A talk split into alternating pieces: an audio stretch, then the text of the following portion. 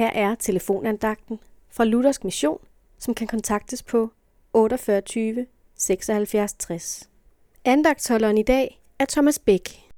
Og vi skal læse fra Markus evangeliet, kapitel 10, vers 49. Vær frimodig, rejs dig, han kalder på dig. Jesus er på vej ud af Jericho, og her møder Jesus en blind tigger ved navn Bartimeus.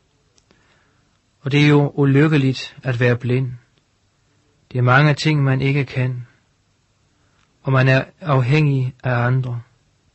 Og derfor sad Bartimeus ved vejen og tjekkede. Men Bartimeus var ikke helt ulykkelig, for han havde hørt lidt om Jesus, og det blev hans redning. Han havde hørt, at Jesus kunne hjælpe ham i nøden. Og derfor råbte han til Jesus, da Jesus kom forbi ham. Og Jesus afviste ham ikke. Han kalder på ham og hjælper ham. Og sådan må du også være frimodig. Han kalder på dig. Han vil frelse dig i den situation, du er i nu. Tag ham på ordet og sig, Jesus, tag mig, som jeg er. Tak, Jesus, at du kom for at frelse mig.